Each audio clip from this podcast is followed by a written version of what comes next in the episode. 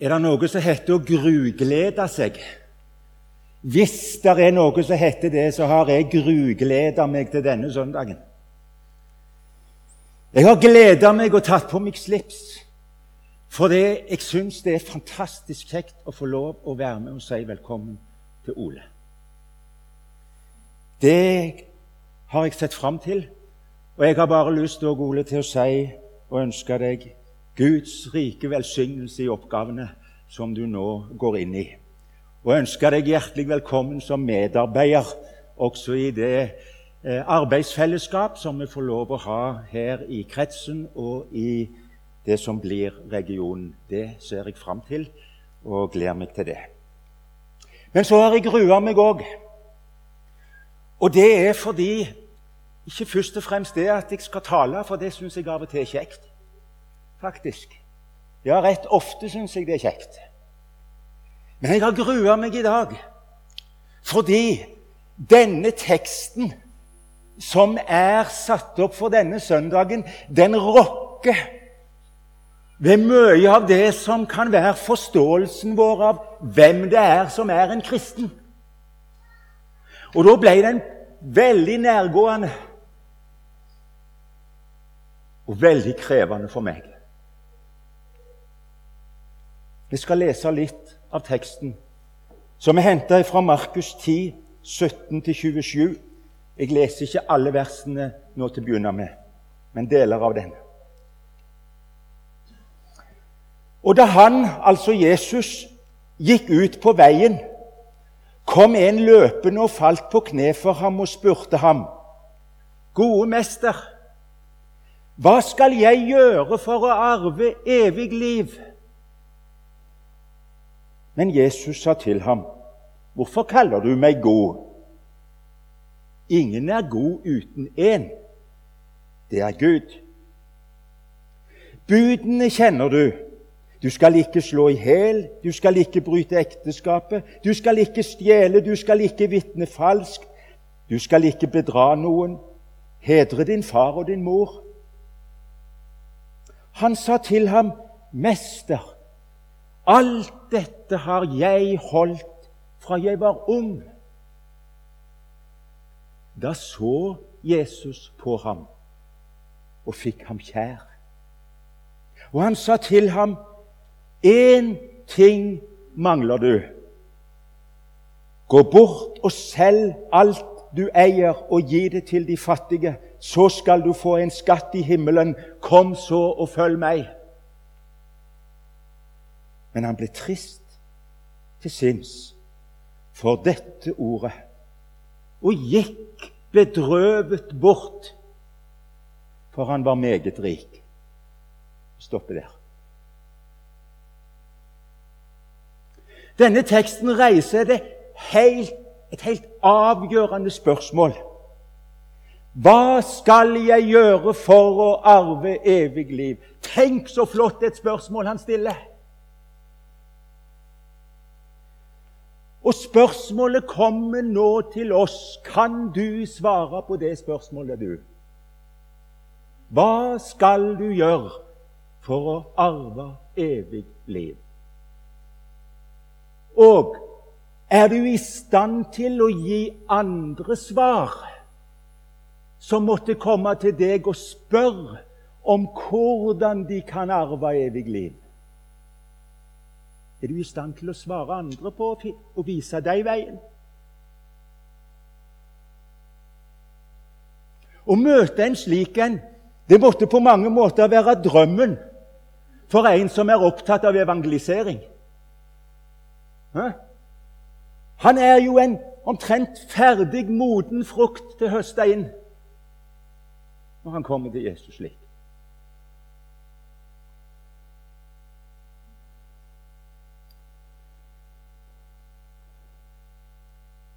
Saken her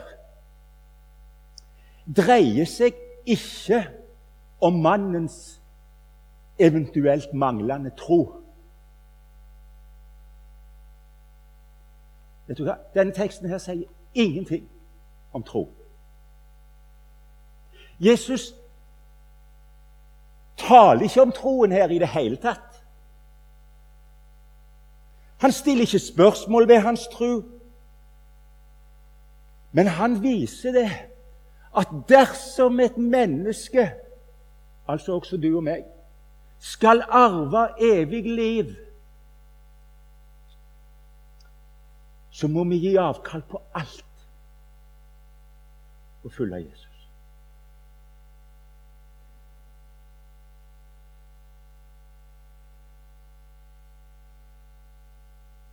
La oss møte denne mannen.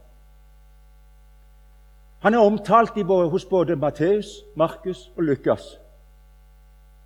Og de tre evangelistene til sammen gir oss et komplett bilde av det som skjedde her denne dagen.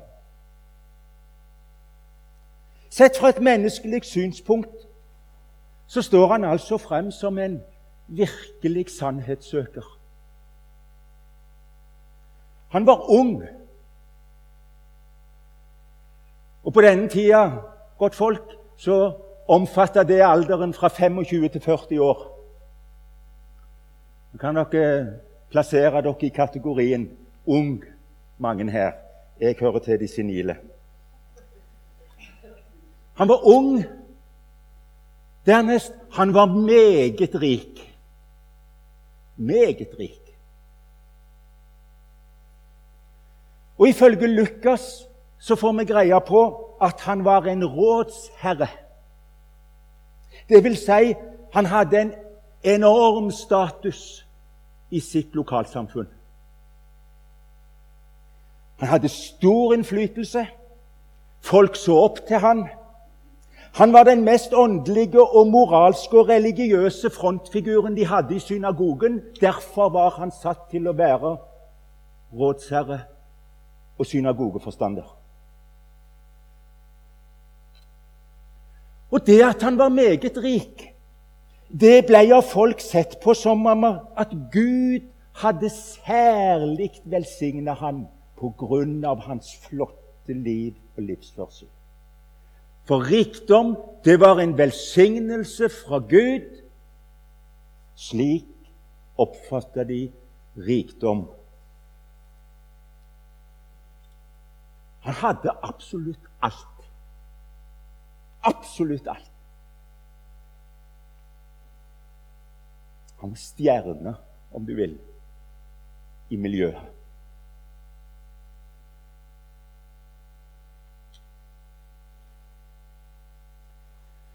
Og hvis noen skulle ha rett til å være sikker på å fortjene det evige liv, så ville de pekt på han.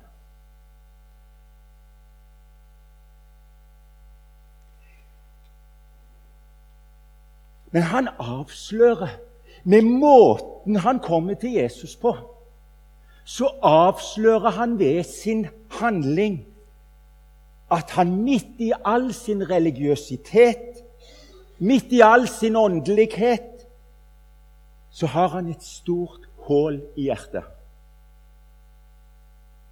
Et gedigent tomrom som er i ferd med å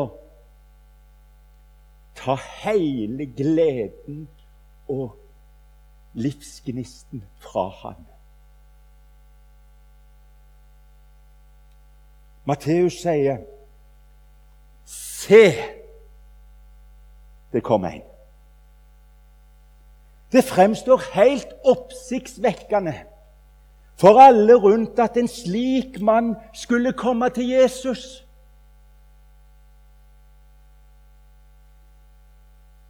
Og enda mer at han skulle eksponere seg sjøl i offentlighetens lys med å komme springende til Jesus og kaste seg ned foran han. De gjorde jo ikke sånn, de som var rådsherrer, og slettes ikke overfor denne Jesus.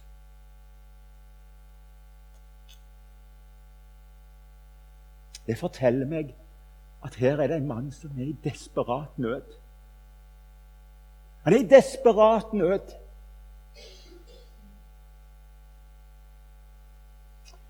Og han erkjenner det overfor alle som er rundt ham. Jeg har det dessverre sånn. Jeg mangler noe av det viktigste i livet. Jeg har alt annet, men likevel er det helt tomt.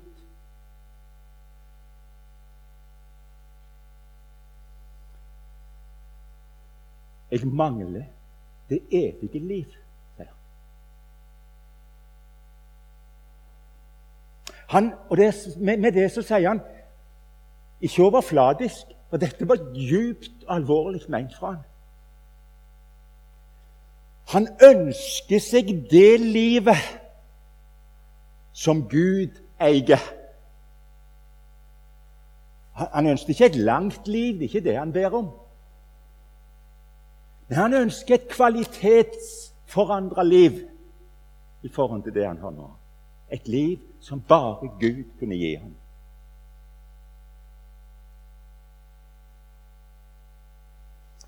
For å få del i det evige liv må du vite hva du mangler. Det må være en følt erkjennelse av å mangle det som kan gi sjelen hvile og fred. Der er Han. Og Så gnagende var altså denne smerten i sjelsdypet at vi leser at han kommer endog springende til Jesus når Jesus går forbi.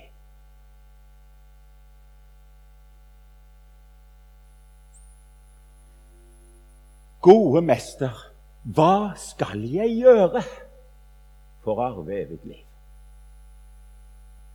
Jeg har gjort alt det jeg vet til det ytterste, etter mine beste evner. Jeg vet ikke om noe mer. Så hvis det er noe mer du, Jesus, krever og forlanger, så må du si det til meg. Du må si det nå. Jeg må få greie på det. Så skal jeg gjøre det.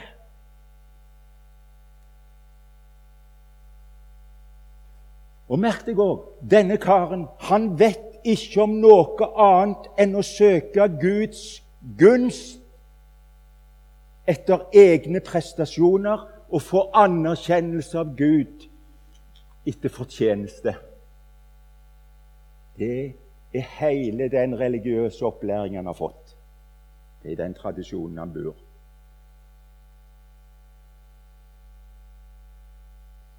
Du merker nå en ting til. Jesus tar han ikke til side, og så sier han du, du nå, nå, nå må vi be sammen. hadde vært veldig fort i min tanke at du eh, eh, nå, nå, må vi be sammen. Eh, han ber han heller ikke om å ta en trosbeslutning.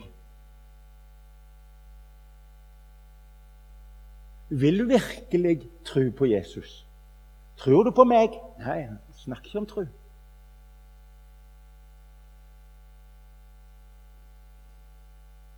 Jesus tester denne mannen sitt innerste hjerteliv. Han tester han. Stiller han på noe Han bygger faktisk opp noen barrierer for han som du ikke trodde at Jesus ville gjøre. Han som jo er kjærlig og vil at alle skal bli frelst. Mm?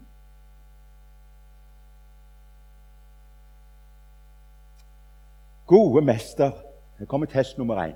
Gode mester, hva skal jeg gjøre for å arve evig liv? Men Jesus sa til ham, 'Hvorfor kaller du meg god?' Ingen er god uten én, det er Gud. Du finner aldri i jødisk litteratur at en jødisk rabbi eller lærer blir kalt gode mester. De sa bare 'mester' aldri gode. Gode mester. Det med god mester, god lærer, det hadde de forbeholdt Gud alene. Så når denne her karen kommer og sier 'gode mester', så vekker det oppsikt. For ved det så sier han noe om hvordan han anerkjenner Jesus. Han sier enten det at så er Jesus Gud sjøl, eller så står han i det minste i forbindelse med Gud. Eller så er han sendt fra Gud. Eller så hadde han ikke sagt gode mester. Og hvis det er slik at denne ungdommen mente det, og hadde et slikt syn på Jesus at han virkelig var fra Gud, så ville han, dersom han hadde noen troverdighet, så ville han høre og gjøre det som Jesus kom til å si til ham. Da ville han etterfølge det Jesus kom til å si.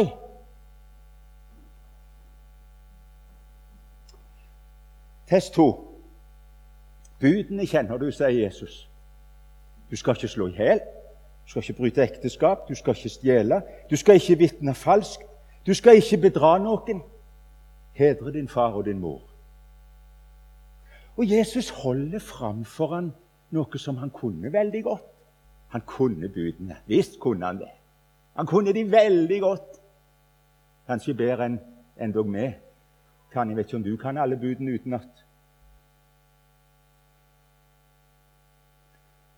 Og Jesus holder fram foran de budene som angår hans liv og hans livsførsel. Hans berøringsflate med andre mennesker. Hvordan er ditt forhold til disse budene som angår dine relasjoner til mor og far, til det å stjele og til det å tenke vonde tanker og lyster? Han sa, 'Mester, alt det der har jeg holdt fra jeg var ung.' Og ennå var han jo ung, så det må ha vært helt fra veldig tidlig barndom. antagelig.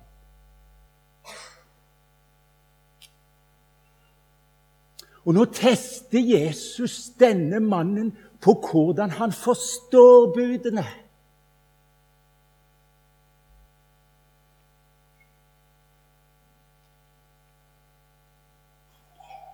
Og fra sitt ståsted, og helt sikkert fra alle de som sto omkring han, så ville de nikke.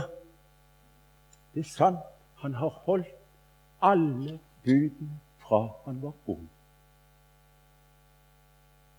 Det kan vi bevitne. Fra utsida så langt noen kunne forvente av et menneske, så hadde han gjort sitt beste for å holde budene. Ja, ja, selvsagt hadde det vært tider der han ikke hadde hedra sin far og sin mor helhjerta og oppriktig. No noe annet er jo umulig, ikke sant? Selvsagt hadde han slått litt av på sannheten i noen ubetydelige anledninger som ga han litt fordel, men det er jo helt umulig å unngå å ha ei hvit løgn i ny og ne. Selvsagt hadde han kjent lyst og begjær, som Jesus i bergpreget hadde talt om som hor. Alle gjør jo det. Selvsagt hadde han kjent hat og sinne noe som etter Guds rettferdighet og hellighetsstandard var å anse på linje med mord. Ja, men, men det er jo umulig. bare. Men i henhold til slik som vi forstår, og våre skriftlærde har tolka budene og lovens ord Og de har tilpassa mulighetene for at vi skal kunne holde dem. Så har jeg gjort det. Hva var det Paulus sa? Jeg var etter loven ulastelig, sier han. Det var ingen som kunne sette fingeren på noe i Paulus sitt liv og si der og der og der var åpenbart at du hadde glippa i forhold til lovens bud.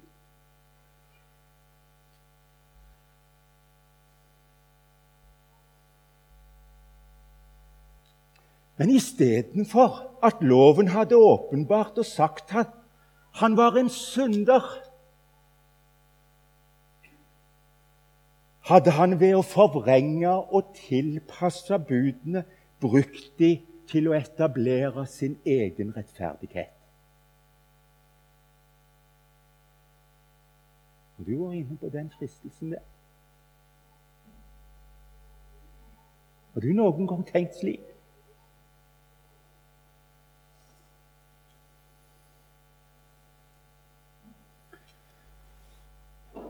Han sier om seg sjøl at ifølge all mulig rettferdig tolkning av budene, så er jeg ingen synder. Og så legger han altså en menneskelig standard til grunn.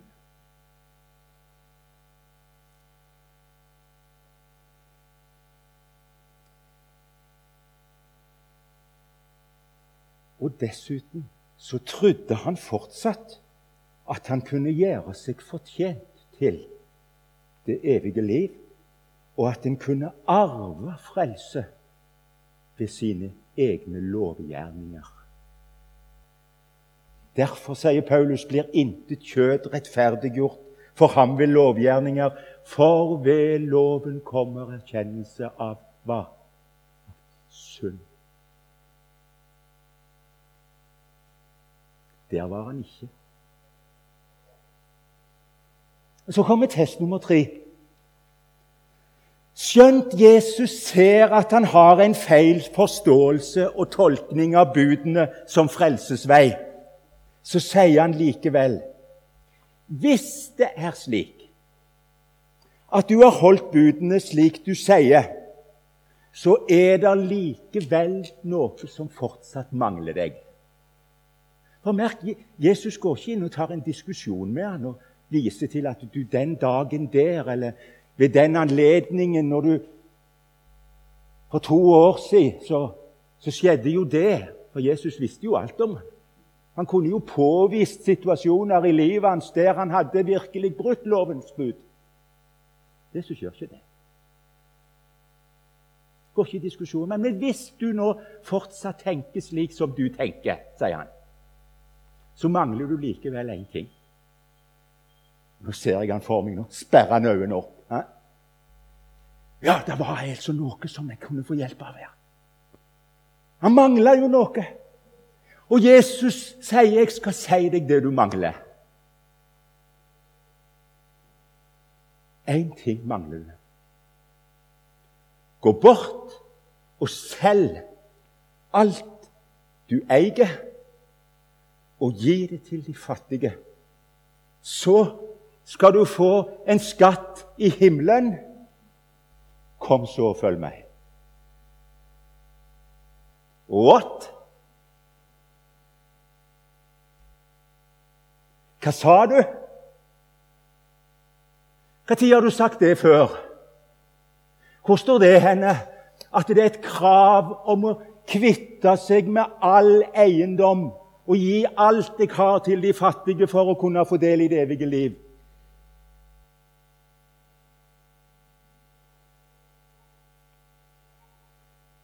Mente Jesus at han, det er et krav at du skal gå og kvitte deg med alt jordisk gods? Ingen blir frelst uten de selv alt de har. Mente han det? Det var ikke det han sa. Egentlig. Han spør om frelse og evig liv er så viktig for deg at du er villig til å forsake absolutt alt for å få del i det. Og vet du hva? Det var da jeg kjente jeg grudde meg.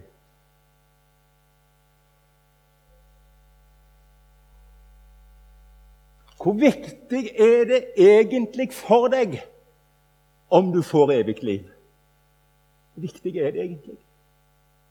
Hva er viktigst i livet ditt?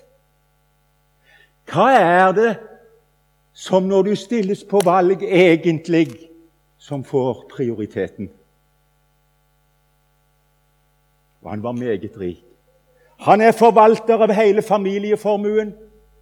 En slik tanke ville derfor ikke bare få konsekvenser for han sjøl, men for familien, foreldre, for barn for søsken, ektefelle. Han ville miste sin plass i synagogen. Og Hvis han ble en etterfølger av Jesus, så ville han endog bli kasta ut av synagogen. For det var det de sa var slik de skulle behandle de som fulgte Jesus. De skulle kastes ut av synagogen. Da ville han miste hele sitt sosiale nettverk. Han ville miste alle sine rettigheter i samfunnet osv. Hvor viktig er det for deg, Jesus?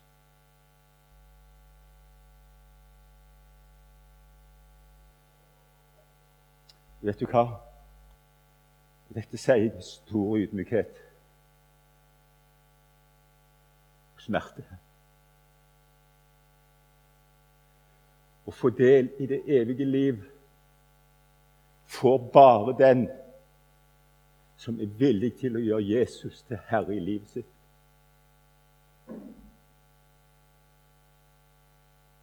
Fikk du med deg det? Bare den får del i det evige liv som er villig til å gjøre Jesus til herre i livet sitt.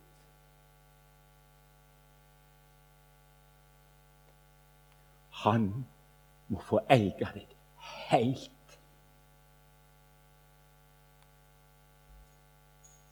Jesus sa det i Lukas 9.: Om noen vil komme etter meg da må han fornekte seg selv og hver dag ta sitt kors opp og følge meg. For den som vil berge sitt liv, skal miste det. Men den som mister sitt liv for min skyld, han skal berge det. Ser du forskjellen? Og Jesus lar denne mannen gå. Han ble trist til sinns, for dette ordet gikk bedrøvet bort, for han var meget rik. Og Jesus lar han gå. Jesus springer heller ikke etter han, og du, du kom tilbake. Jeg, jeg skal si litt mer. Kan vi ikke bli enige om litt sånn på halvveien her? Nei, nei, nei. Jesus lar han gå. Og så vidt vi vet etter Det nye testamentet, så kommer han aldri mer igjen.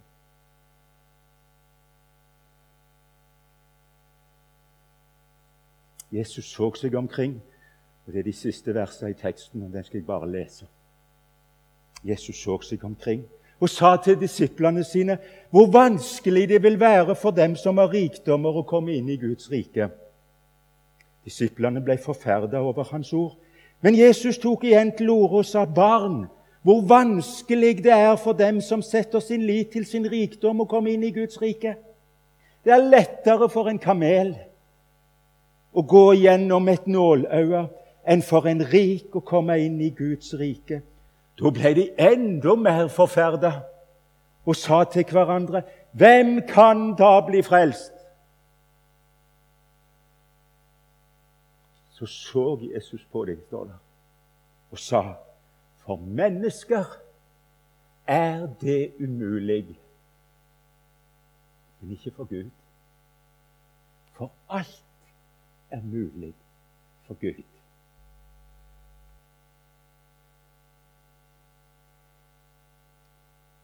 Stri for å komme inn gjennom den trange dør for mange, sier jeg dere, sa Jesus, skal søke å komme inn, men ikke være i stand til det. Fordi de var ikke villige til å gjøre Jesus til herre i livet sitt.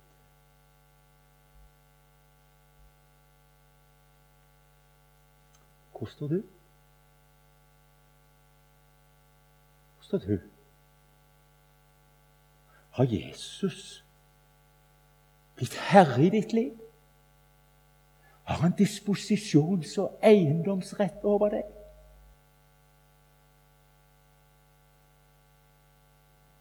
Ja, det får være det spørsmålet som henger igjen i formiddag. Kjære Jesus.